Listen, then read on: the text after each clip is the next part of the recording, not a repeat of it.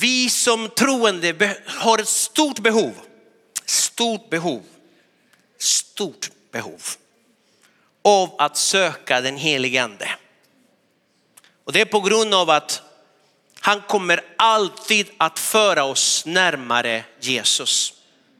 Han kommer alltid att peka på Jesus. Han kommer alltid att föra oss närmare sanningen. Han kommer alltid att leda oss till han som är vägen, sanningen och livet.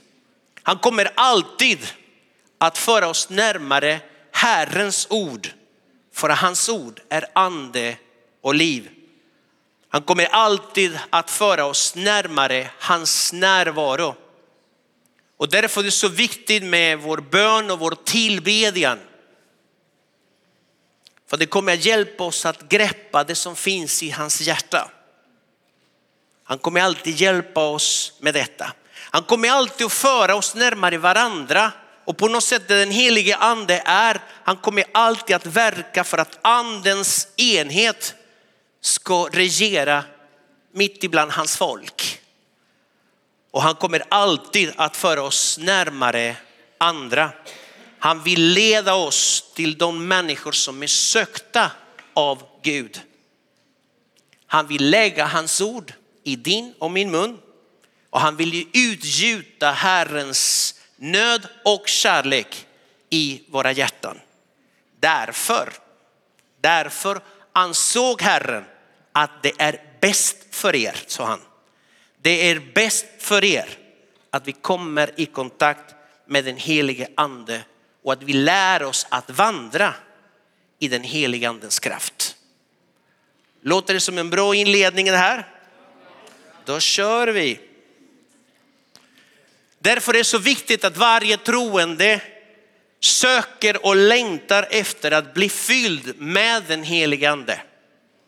När elden brinner i våra hjärtan kommer den helige ande alltid att föra oss i det som är Guds vilja för var och en av oss. Jesus skulle inte lämna oss föräldralösa, ensamma eller lämnade åt vårt öde. Utan han sände den helige ande för vår hjälp. Han är vår hjälpare. Den helige ande är inte i underhållningsbranschen. Vad menar jag med det här? Den heliga andens primära funktion är inte att vi ska uppleva lite roliga grejer. Utan den heliga andens främsta funktion är att Herrens syfte ska ske i våra liv. Vi ska läsa lite grann från eh, Lukas evangeliet. För Lukas är en intressant kille. I hans evangelium, han beskriver en process som handlar om hur Jesus vandrar, vandrade med den helige ande. Och under några bibelverser, vi läs, kommer att läsa dem lite grann så här, men under några bibelverser kan vi se en intressant utveckling i Jesu liv och hans relation med den helige ande. Så vi ska gå till punkt nummer ett, uppfyllda av anden. Det första som vi kommer att se det är att när Jesus blir av den helige ande och det var när han döptes vid Jordanfloden. Han döptes av Johannes döparen. Vi kan också se att fadern i himlen bekräftade Jesu sanna identitet. Att han var Guds älskade son och i vilken han hade sin glädje. Lukas, vi börjar där. Lukas 3, 21 till 22. Vi kommer hålla oss kvar liksom i de här verserna som kommer efter. Lukas 3, 21-22. När nu allt folket döptes blev, han, eh, blev även Jesus döpt medan han bad öppnades himlen och den heligande sänkte sig över honom i fysisk gestalt som en duva. Och från himlen kom en röst. Du är min älskade son, i dig har jag min glädje. Efter att Jesus blev uppfylld med den helige ande, för det var precis vad som hände där vid dopet. blev han ledd till öknen för att han skulle prövas och frestas av Satan. Så vi fortsätter nästa, nästa vers, eller de verserna som, som fortsätter. Det står så här, uppfylld av den helige ande. Hur var han? Uppfylld med den helige ande. Återvände Jesus från Judan och leddes av anden omkring i öknen där han frestades av djävulen i 40 dagar. Under de dagarna åt han ingenting och när det var slut blev han hungrig. Så det som väntade Jesus efter denna fantastiska upplevelse att bli fylld av den helige ande, det var inte mer härlighet som väntade utan det var prövning. Tänk dig, han har precis blivit döpt i anden. Och då ledde anden inte honom till templet utan till öknen för att, för att möta Satan och inte Fadern. Efter 40 dagar av bön och fasta, man förväntar sig att höra Faderns röst. Men nu blev det Satans röst. Och jag tror det är väldigt viktigt för varje troende, det är ganska grundläggande. Det är att när vi går igenom prövningar, att vi kan urskilja var rösterna kommer ifrån. Vem är det som talar? Vilken röst kommer jag att prioritera i mitt liv så jag kan lyda hans instruktioner i svåra tider? Han leddes av anden till öknen. Nu skulle Jesus prövas. När man hamnade i pressade situationen och i stressade situationen. Vilken röst är den som bestämmer riktningen? Vem är som bestämmer vår bekännelse? Och vem är som bestämmer våra handlingar? Satan skulle fresta Jesus i tre olika områden. Och den första handlar om, om bröd och vatten. Han hade fastat i 40 dagar och till sist blev han hungrig. Jag blev hungrig efter 40 minuter. Men här var det 40 dagar. Jag menar, han var något annat alltså. Men han blev frestad. Jesus blev frestad i det som han behövde som mest där och då. Och då tänkte jag så här, hur kan vi applicera det här i våra liv? Försiktig med vad vi behöver. För att vi kan få genvägar erbjudna. Han kan erbjuda genvägar. Försiktig vilken röst vi, vi lyssnar när vi har stora behov. Så vi frestas att ta genvägar. Saker som inte kommer från Guds hand. Och då säger det förvandla de här stenarna till bröd. Och det är klart att Jesus kunde göra det. Han kunde förvandla dem till lasagne också. Men Jesus, Jesus behövde inte bevisa någonting för fienden. För han prioriterar mitt i de stora behoven. Han säger så här, det är inte bara bröd människan ska leva av, utan och varje ord som kommer från Guds mun. Och det innebär att, att Gud har något att säga när vi går genom tuffa tider, när vi går genom prövningar, när vi går genom stormar. Det finns alltid någonting som Gud vill säga. Och jag tror det är det Jesus säger till oss. Lyssna på de orden, inte på vad Satan säger eller vad han kan erbjuda. Jesus försvarade sig gång på gång på gång. Så står det skrivet. Och jag tror det är därför det är så viktigt att veta vad som står skrivet. Det är därför jag tror det är så viktigt för varje troende att läsa sin bibel. Varför då? För att i svåra tider då är det väldigt bra att veta vad som står skrivet.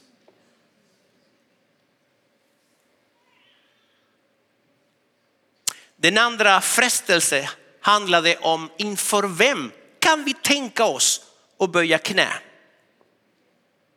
är det här du vill ha?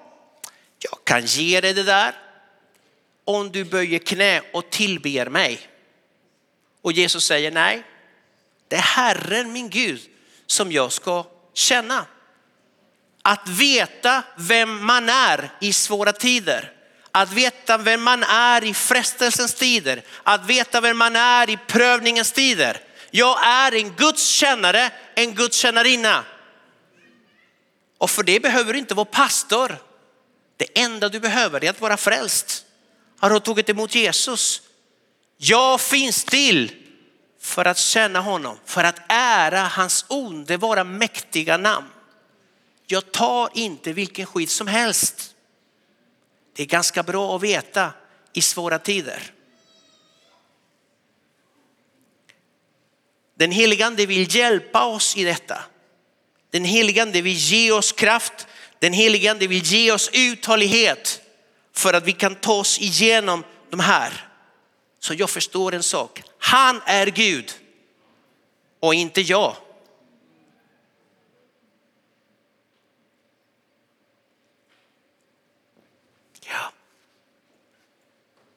Vi är satta av Gud på den här jorden för att vi ska sprida hans budskap.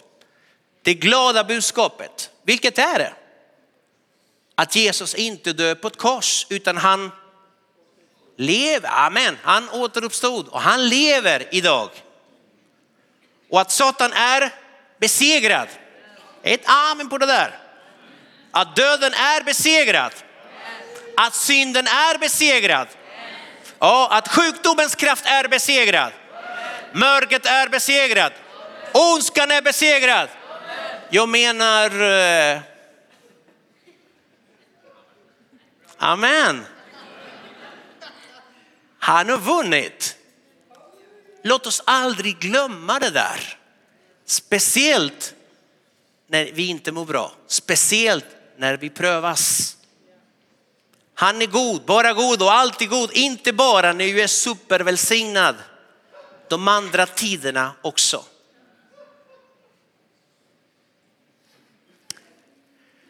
Tredje frestelsen handlade om att lita på Guds beskydd.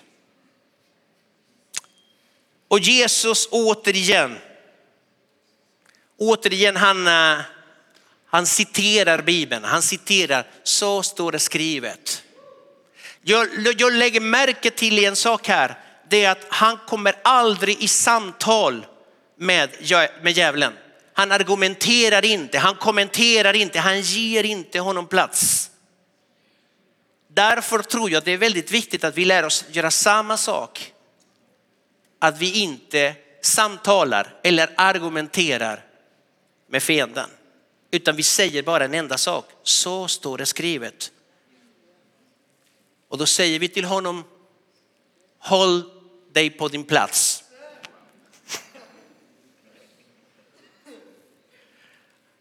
Amen. Den helige ande kommer alltid att ge oss kraft för att ta oss igenom. Ja. Så att vi har pratat om eh, att bli uppfylld av den heliga ande, sen att bli ledd av anden. Och tänkte liksom prata om i andens kraft, att vandra i andens kraft. Många gånger det här med prövningens väg är inte den väg som vi skulle välja, som vi skulle vilja välja. Det kanske kan, kan det vara så att vi till och med undviker prövningens väg. Och den helige ande kommer alltid att dra oss från vår eh, komfortzon för att vi ska gå på en obekväm väg. För att vi ska börja gå på vatten.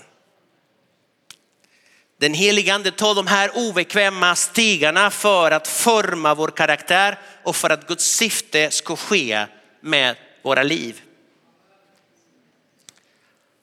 Den lilla heden David skulle aldrig ha blivit kung David om inte Goliat hade varit där. Så att för att bli en David, det behövs en Goliat. Tyckte det var bra det där. Det kommer mera, det kommer mera. Men det är kampen, det är svårigheterna, det är stormarna, det är öknen som formade personligheterna i Bibeln. Vi skulle kunna fråga Josef, Jakob, son till Jakob, när han befann sig i fängelset, falsk anklagad under många år. Vi skulle kunna fråga profeten Daniel när han befann sig i lejongruppen. Vi skulle kunna fråga Sadrak, Mesak och Abegnego när de kastades in i en brinnande ugn. Vi skulle kunna fråga Paulus när han befann sig i fängelse för att ha predikat evangeliet. Många gånger tänker vi, ja, jag skulle vilja bli som dem. Men ingen tänker på priset de betalade för att komma dit. Alla dessa prövningar hade ett syfte. Det är att förbereda dem för det som skulle komma. Och det här är att vandra med den helige ande, att vandra i andens kraft. Det är att låta sig formas, att låta sig testas för det som komma skall. Det händer någonting med oss mitt i öknen. Det händer någonting med oss mitt i prövningen. Det händer någonting med oss mitt i stormen. Man kommer starkare på andra sidan. Stormen och prövningen gör någonting med oss, med vår relation till Herren. När vi låter oss ledas av den helige ande kommer vi att se att Gud, vad Gud förmår att göra med vem som helst som låter sig formas. Det hände någonting med Jesus efter frestelsen i öknen. Han blev inte svagare utan han blev starkare i anden. Så låt oss fortsätta lite grann i texten. Vi fortsätter i Lukas kapitel 4, 14 till 15. Så efter frestelsen, det står så här, i andens kraft återvände Jesus till Galileen och ryktet om honom gick ut i hela området. Han undervisade i deras synagogor och fick lovord av alla. Det hände någonting med Jesus efter de där dagarna i öknen. Han blev starkare i anden. Vad var det som hände med de andra? Ja, David lärde sig att besegra jättar. Josef lärde sig att leda ett helt land och två nationer. Den egyptiska och den hebreiska. Paulus fick se många församlingar kom till liv. Han fick se många komma till tro. Petrus, han lärde sig att gå på vatten. Min fråga nu är, vad är det Gud försöker lära dig? Det kan finnas många människor som väntar på att du ska träda fram i andens kraft.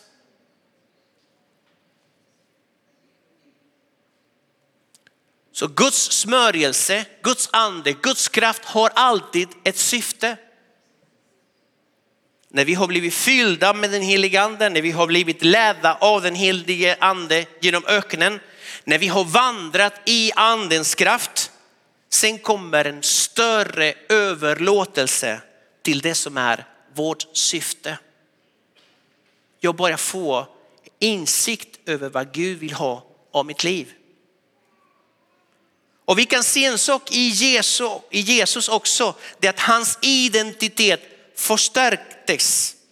Guds plan och syfte med hans liv blev mycket tydligare för honom. Hur kan vi se detta? Om vi läser lite längre fram i vers 16, Lukas 4 och vers 16. Vi ser att han får en större och djupare förståelse av sitt syfte. Förståelse av faderns uppdrag med hans liv. Vi läser i vers 16. Så kom han till Nasaret där han hade vuxit upp. På sabbaten gick han som han brukade i synagogan.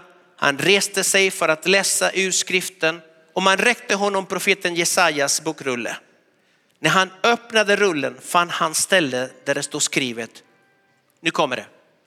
Herrens ande är över mig för han har smort mig med ett syfte att förkunna glädjens budskap för de fattiga. Han har sänt mig att utropa frihet för de fångna och syn för de blinda, att ge de förtryckta frihet och förkunna ett nådens år från Herren. Jag tänkte väldigt mycket att det här är ett, ett ord som jag predikar, att vandra i andens kraft, det är till oss alla, till hela, till alla troende. Men jag vill ge det till er också, eleverna. Vikten av att vandra i andens kraft, att förstå sitt syfte. En sak som jag hörde väldigt ofta från, när ni vittnade om resan till, till exempel till, till, eh, till Uganda. Det var liksom att man såg människor bli frälsta, man såg människor bli helade, man såg människor bli eh, befriade. Och det är precis det här vi läser. Och då kan man också säga, inte bara Jesus utan också jag och du kan också säga, Herrens ande är över mig. Ty han har smort mig till att predika glädjens budskap för de fattiga. Han har smort mig till att se människor som är sjuka bli helade. Han har smort mig till att se människor som är totalt nerkörda. Hur kom de kommer upp och blir, de får sin värdighet tillbaka i namnet Jesus. Herren har kallat oss också att se att människor som är slavar blir fria i Jesu Kristi namn. Du kan säga det. Vi kan säga det. Herrens ande är över mig.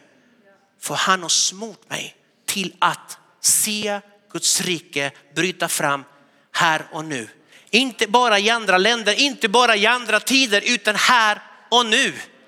Varför då? För att det finns ett folk som ropar efter något annat.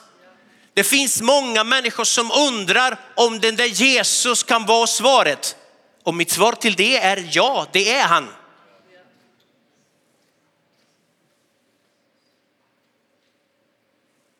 Jesus ville inte att det här skulle bara stanna med sig själv, utan han säger att det här ska komma till ett folk.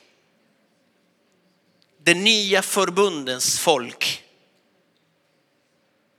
Så på samma sätt som han vandrade i 40 dagar i öknen i nära gemenskap med Fadern, han vandrade också med sina lärjungar i 40 dagar efter uppståndelsen. I Apostlagärningarna kapitel 1 och vers 3. Där står följande. Han visade sig för dem efter sitt lidande och gav dem många bevis på att han levde när han under 40 dagar lät de se honom och talade med dem om Guds rike. Författaren och läkaren Lukas, han fortsätter att beskriva vad den helige ande gör. Men nu med folket, med församlingen i apostlagärningarna. Vi ser samma, samma process bland de troende som det var hos Jesus. När de uppfylldes av den helige ande på pingstdagen. Vad var det de gjorde? Vad var det den där Petrus gjorde? Han, förnekaren, vad var det? Han trädde fram och började predika med en frimodighet som är inte av denna värld. Och resultatet med att predika i andens kraft blev att 3000 människor tog emot Jesus den dagen som sin Herre och frälsare. Församlingen växte explosionsartat, inte på grund av att apostlarna var så duktiga, utan på grund av att de har vandrade i andens kraft. Och jag tror att vi behöver, inte bara här i Citykyrkan, utan varje församling, oberoende vilken skylt man har ovanpå dörren. Det vi behöver är att göra det i andens kraft. Att Herren använder sig av var och en av oss i de stora städerna, i de små byarna. Men att vi predikar i andens kraft. För då kommer den helige ande att göra någonting med de som hör och de som ser.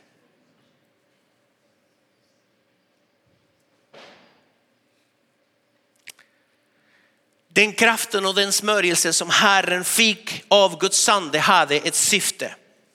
Och det var att det skulle vara till välsignelse för en värld som behövde frälsning, förlåtelse, bli hel, Guds frid.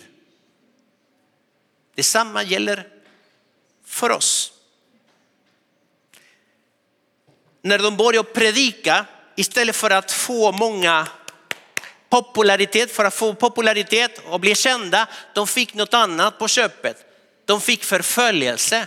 Och när församlingen befann sig i trångmål och när de blev prövade, när de blev förföljda, de bad om mer kraft. Så låt oss läsa lite grann om Apostlagärningarna kapitel 4 och vers 31. Vad gjorde församlingen när det började bli jobbigt att vara kristen? När det började bli inte populärt, när det började röra sig alldeles för mycket runt omkring. Vad var det de gjorde? Ja, nu läser vi i vers 31.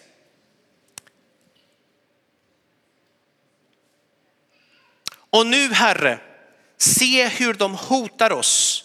Hjälp dina kännare att frimodigt förkunna ditt ord genom att du räcker ut din hand och låter helande tecken och under sked genom din helige kännare Jesu namn. När de hade bett skakades platsen där de, sam, där de var samlade och de uppfylldes alla av den heliga ande. Och nu kommer det och förkunnade Guds ord med frimodighet. Okej? Okay? Så det verkar som att det vi behöver är att få mer och mer av den heliga ande. Om vi vill se under och tecken och vi vill ha mer frimodighet i våra liv och vi vill se förvandlade församlingar. Det vi behöver är inte att skrika våra åsikter lite högre. Det vi behöver är mer av den helige ande. Varför? För att den helige ande kommer alltid att leda oss närmare Jesus, närmare varandra och närmare andra.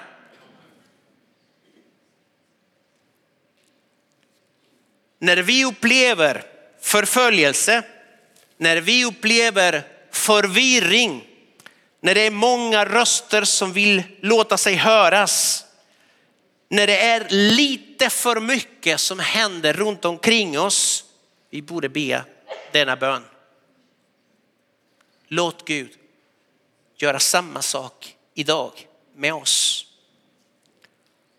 Vår identitet är inte bara att vi är Guds barn. Vår identitet är inte bara att vi är Jesu lärjungar, vi är också andens vittnen. Låt oss söka mer och mer av anden. Nu lever vi i andens förbund. Den helige ande kallar var och en av oss, dig med. Den helige ande utrustar oss. Den helige ande ger oss det vi behöver. Den helige ande sänder oss. Den helige ande vill uppfylla oss med kraft. Den helige ande vill leda oss genom öknen. Den helige ande vill använda oss. Den helige ande vill inget annat än att manifestera och synliggöra Guds rike här på jorden. Jesus inbjuder oss att följa honom och göra det vi inte kan. Att gå på vatten, att låta andens kraft göra ett stort verk i oss och genom oss. Författaren Lukas som beskriver relationen mellan Jesus och den helige ande är samma författare som kommer att skriva apostlagärningarna senare. Och i den kommer han att beskriva vad den helige ande gjorde, inte bara med apostlarna utan med de troende. Så vi kunde lika gärna ha kallat den boken för den helige andens gärningar istället för apostlarnas, apostlarna gärningarna. Och där beskriver Lukas hur det nya Guds folket blev uppfylld av anden. Hur Gud ledde detta folk, hur deras identitet präglade allt det de gjorde och de predikade. Hur de prövades, men hur de vandrade i andens kraft. Guds planer har inte förändrats. Efter 2000 år fortsätter Herren att bygga sin församling och det gör han genom ordet och anden. Så låt oss uppfyllas av anden. Låt oss ledas av anden. Låt oss formas av anden. Låt oss bli använda av anden. Låt vår identitet förvandlas genom anden för att vi ska se Guds rike bryta fram här och nu.